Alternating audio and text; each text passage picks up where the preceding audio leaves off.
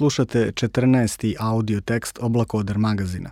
Naslov teksta Jovana Janković. Malim sredinama ne preostaje ništa kada se izgubi duh zajedništva.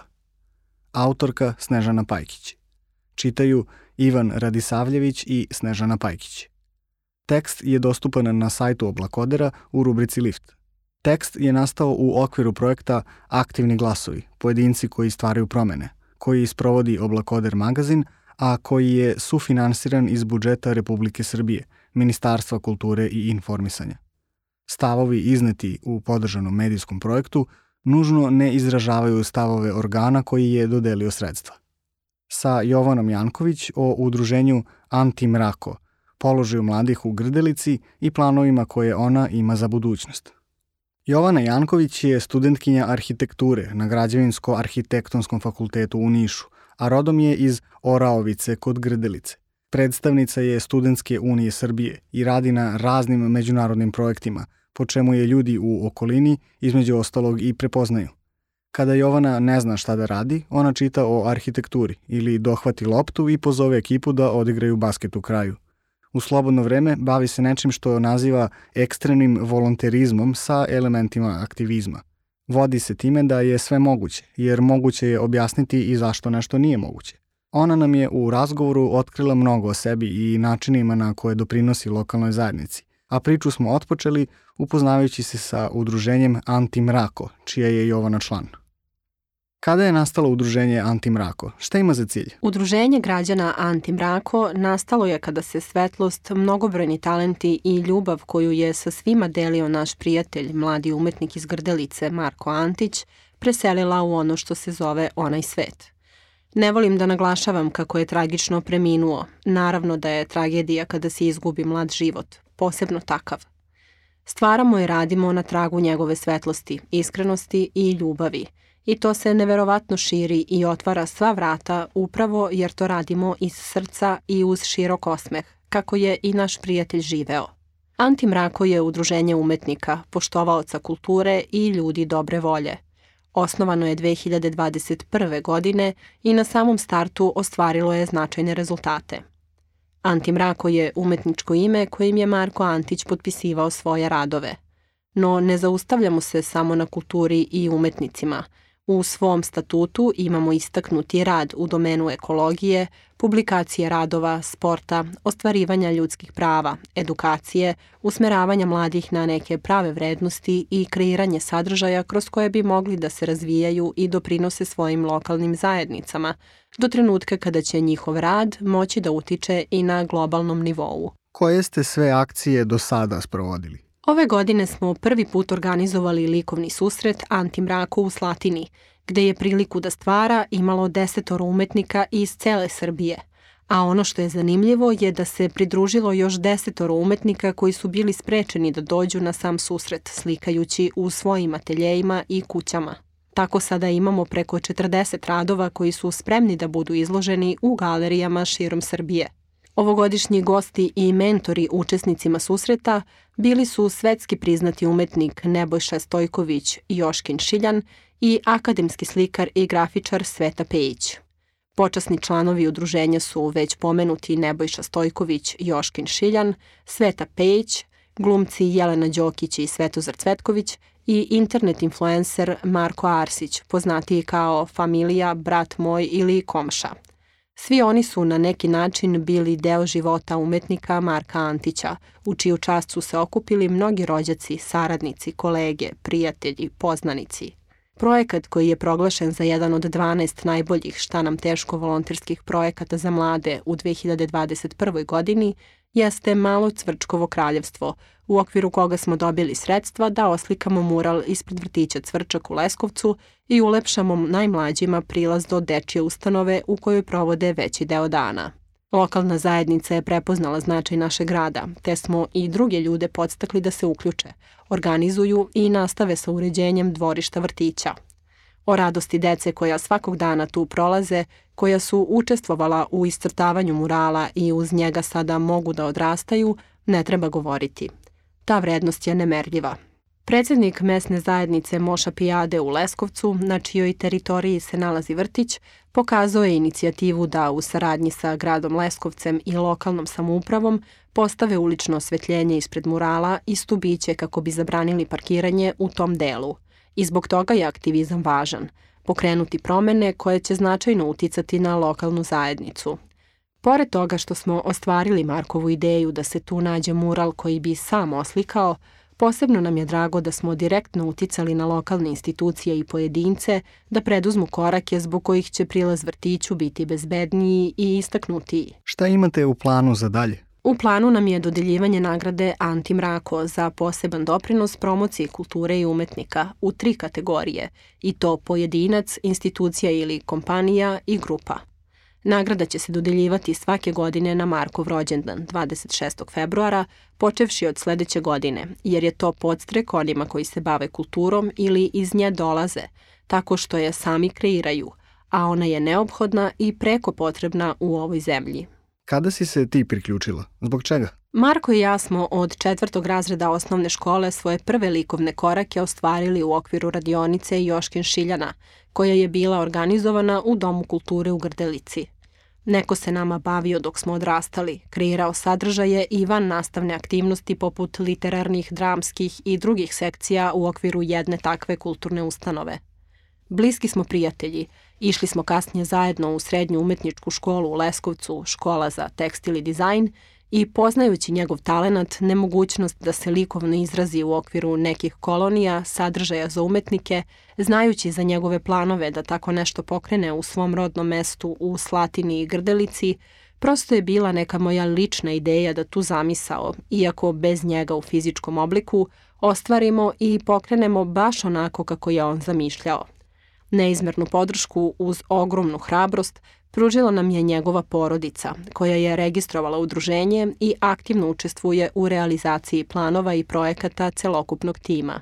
Ko smo mi, ako zaboravimo prijatelje, takve talentovane mlade ljude, ako ne nastavimo da ukazujemo na vrednosti koje su oni nosili i koje su kao takvi pojedinci predstavljali dok su bili sa nama? Ujedno, ljudima koji se ne uklapaju u sredinu, koji su karakteristični po mnogo čemu, koji ne ilaze na odbacivanje i prozivanje. Pružit ćemo primer kako je moguće da se ostvare kroz kreiranje uslova u kojima bi mogli da stvaraju, slobodno se likovno izražavaju i učestvuju u kulturnom nasleđu naše likovne scene. Kakav je položaj mladih u Grdelici? U Grdelici se mladima samo u određenoj meri bavi dom kulture. Uglavnom su to deca iz osnovne škole uz podršku nastavnika – Od sadržaja ne postoje neke posebne stvari i projekti kroz koje bi mladi mogli da se udružuju, obrazuju i menjaju svoju sredinu. Dosta je tu kafića, kladionica i prostora za razbibrigu i po koje piće. Ranije, dok su moje generacije odrastale, nama su se bavili ljudi iz sveta kulture od kojih smo učili, koje smo gledali kao neke modele ponašanja i uzore, a šta se deci danas plasira i ko je njima uzor. Danas su neke druge vrednosti, drugi trendovi, Imali smo uslova za treniranje raznih sportova, razne sekcije i priredbe u školi, radionice, sa vršnjacima si kreativno provodio vreme. Tada su tereni, škole, pa i javni prostori bili novi i adekvatno opremljeni za to. Ne kažem da je potpuno sve oronulo, ali se ne održava. Mislim da to dosta fali malim sredinama. Da li su to možda najveći problemi sa kojima se mladi susreću u toj sredini? Kada iz male sredine mladi odu na dalje školovanje, a ne nastavi se u istoj i većoj meri rad sa mlađim generacijama, zafali ulaganje u opremu i održavanje infrastrukture. Onda imate jedan prostor od par godina kada dođu one izgubljene generacije – Dom kulture čini sve napore da pribavi sredstva za organizovanje događaja, kulturnih manifestacija i izložbi, ali neophodna je finansijska i institucionalna podrška države kako bi se uložilo u opremu za moderne tehnologije, kako bi se obučio kadar koji tamo radi, kako bi se prosto kreirao sadržaj za interesovanje koje imaju nove generacije, a tako bi se i sami uključili u aktivan rad moraju i da uključe mlade ljude koji bi kreirali sadržaje za sebe i svoje vršnjake. Međusobni dijalog institucija, pojedinaca, ustanova je jako važan. Šta vidiš kao potencijalno rešenje i koje bi promene mogle da nastanu? Ne želim da je se dotaknem, ali je neizostavna ta politika koja jako utiče na male sredine. to opredeljenje i ono čiju krvnu grupu imaš. Politika je ušla u osnovne škole, u kulturu, u zdravstvo. Ne kažem da ne treba da postoji, da koordinira određene stvari, ali ne i da ima ljude koji nisu ni po vokaciji, ni po interesovanjima ili barem ambicijama za određene položaje i poslove kojima se bave te ustanove. Malim sredinama ne preostaje ništa kada se izgubi duh zajedništva, jednakosti, timskog rada i kada krenu da se ostvaruju i izvršavaju zadaci u korist pojedinca. Onda je svako ko dođe sa nekom idejom neprijatelj i konkurent ili se posmatra kao neko ko ima određeni skriveni interes u tome. Prestali smo da verujemo jedni drugima, da budemo drugari, kako sebi, tako i drugima. Prestali smo da pitamo jedni druge šta bismo voleli da imamo u svojim lokalnim zajednicama, kako da one izgledaju, kako da mi doprinesemo njihovom razvoju, šta ja imam što može da pomogne nekome ili mojoj zajednici, šta od primjera dobre prakse drugih zajednica mogu da primenim u svojoj. Utonuli smo u duboki zimski san, a svako proleće sve teže dolazi. Koliko dugo se ti baviš aktivizmom? Na kojim si sve poljima aktivna? Ne bih rekla za sebe da se bavim aktivizmom, mada njega ima u mnogo nekih inicijativa i projekata na kojima sam radila i koje sam konkretno predlagala. Rekla bih pre da se generalno, kao i većina aktivnih mladih ljudi u Srbiji, bavim ekstremnim volonterizmom koji se isplati u ličnom iskustvu i razvoju, samovrednovanju, umrežavanju sa ljudima. Neki zvanični početak bi bio volontiranje u kancelariji za mlade grdelica od mog osmog razreda osnovne škole – U par godina postojanja kancelarije držali smo obuke pisanja projekata, organizovali akcije čišćenja korita reke Morave i drugih zelenih površina. Organizovali smo i događaje pod nazivom Sve lako kad si mlad, koji su za cilj imali promociju neafirmisanih muzičara, zatim književne večeri, sarađivali smo sa Domom kulture u organizovanju grdeličke regate, organizovali sportske turnire, opremanje košarkaškog terena, Naši volonteri i članovi su pokrenuli i Grdeličko amatersko pozorište i sa predstavom Igrale se delije nastupali su i osvajali priznanja na takmičenjima širom Srbije. Zaista mnogo akcija. Kasnije smo se okrenuli pisanju poljoprivrednih projekata kako bismo udružili lokalne poljoprivrednike da dobiju sredstva za kupovinu sadnica divljih jagoda i drugih biljnih kultura, kao i neophodnu mehanizaciju – To je neka kruna naše kancelarije za mlade. Okrenuli smo se omladinskom preduzetništvu, uvidevši da mladi ljudi odlaze iz svojih sredina kako bi radili, često poslove za koje se nisu školovali ili su kilometrima daleko od mesta u kome su rođeni. Šta je od svega toga tebi najviše ostalo u sećanju? Da li bi nešto posebno izdvojila? I izdvojila bih to što sam deo Studentske unije Srbije, koja ima široku mrežu ljudi sa kojom sam radila na projektima od strateške važnosti za mlade i studente. Dotakli smo se i međunarodnih projekata i razmena i to smatram najbitnijim za mlade ljude, jačane međunarodnih odnosa sa drugom omladinom. SUS je partner organizatorima prvog omladinskog foruma u prirodi, Forum Vlasina na Vlasinskom jezeru, koji je uspešno realizovan više puta – Učestvovala sam na međunarodnim konferencijama u Rusiji i koordinirala delegaciju omladinske spoljne politike Rusije u okviru događaja obeležavanje 180 godina diplomatskih odnosa Srbije i Rusije.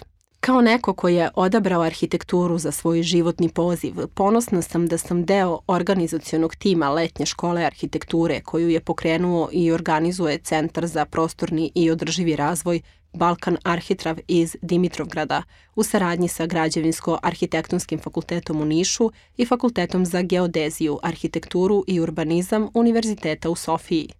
Za nekoliko godina uspeli smo da letnja škola arhitekture postane zvanična praksa na Univerzitetu u Nišu. Ono što me posebno raduje je da ću sledeće godine prezentovati rad letnje škole arhitekture kao model očuvanja kulturnog nasleđa u okviru Svetskog foruma arhitekture na Moskovskom institutu za arhitekturu Marhi. Nekad je i pružiti podršku u smislu vidljivosti nečijeg projekta strašno veliki doprinos ili učestvovati u promociji na društvenim mrežama gde ne morate da i fizički budete deo nekih akcija – ali važna je podrška, zainteresovanost za to šta se oko tebe dešava, tek tada možeš da sudiš o stvarima i biraš šta je za tebe i zajednicu dobro. Uvek sam volela da kreiram sadržaje za sebe koji me interesuju, o kojima želim da učim i da steknem iskustvo. Onda kada sadržaja nema, Sednem i pišem projekte. Okupljam tim koji je na istoj misiji i zajedno radimo na ostvarivanju ciljeva. Nisam od onih koji kukaju kako nema ničega i pritom ne rade na tome da se stvari dese. Da li ti je teško da usklađuješ svakodnevne obaveze i aktivnosti? Priznajem da je teško. Dok nisam uspela i umela da organizujem vreme i prioritete, mnogo je stvari stradalo. Ne gledam na loše iskustva kao strašna i na stvari koje bi me zaustavile i naterale da odustajem od toga da budem aktivna. Sve je učenje, neprestana životna škola i iz tih neuspeha i životnih udaraca najviše sam naučila o sebi, o stvarima, o drugima i uvidela koliko je porodica najvažnija podrška i oslonac. Takođe, baveći se aktivizmom, steknete takve prijatelje, sretnete jako kvalitetne i obrazovane ljude sa kojima se družite i radite nešto korisno za lokalnu zajednicu, mlade, za svoje obrazovanje i neki lični razvoj. Na moju odluku da se bavim aktivizmom, da volontiram, dosta utiče i taj neki nepopravljivi optimista u meni koji veruje da može biti bolje ako na tome i sami radimo, ako se malo žrtvujemo i pre svega potrudimo.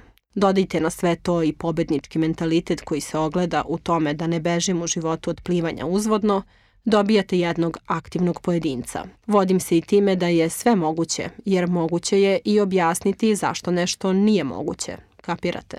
Šta je za tebe aktivan pojedinac? Aktivan pojedinac je, po mom mišljenju, čovek koji kroz svoje obrazovanje, iskustvo, mrežu prijatelja i poznanika koji imaju svoje kvalitete i umeće u određenim stvarima, te se tako dopunjuju, pokreće promene u svojoj lokalnoj zajednici.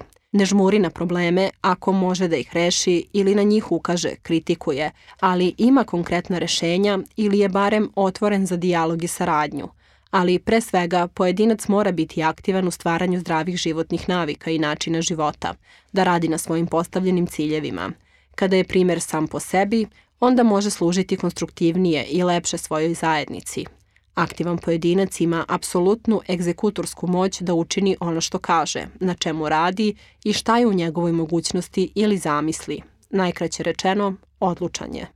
Šta bi za tebe bile neke kratkoročne, a šta dugoročne promene koje želiš da postigneš? Ako gledam iz ličnog ugla, kratkoročno želim da ispoštujem svoj hobi, a to je prikupljanje ocena u indeksu i da postanem master inženjer arhitekture, kako bih svojim obrazovanjem mogla da kreiram određene javne objekte i da sada na nekom višem nivou utičem na kvalitet života društva, grada i pojedinaca nešto još kratkoročnije, želim što pre da pročitam knjigu koju sam nedavno kupila, Atomske navike Jamesa Cleara, jer ću tako preći na sledeću.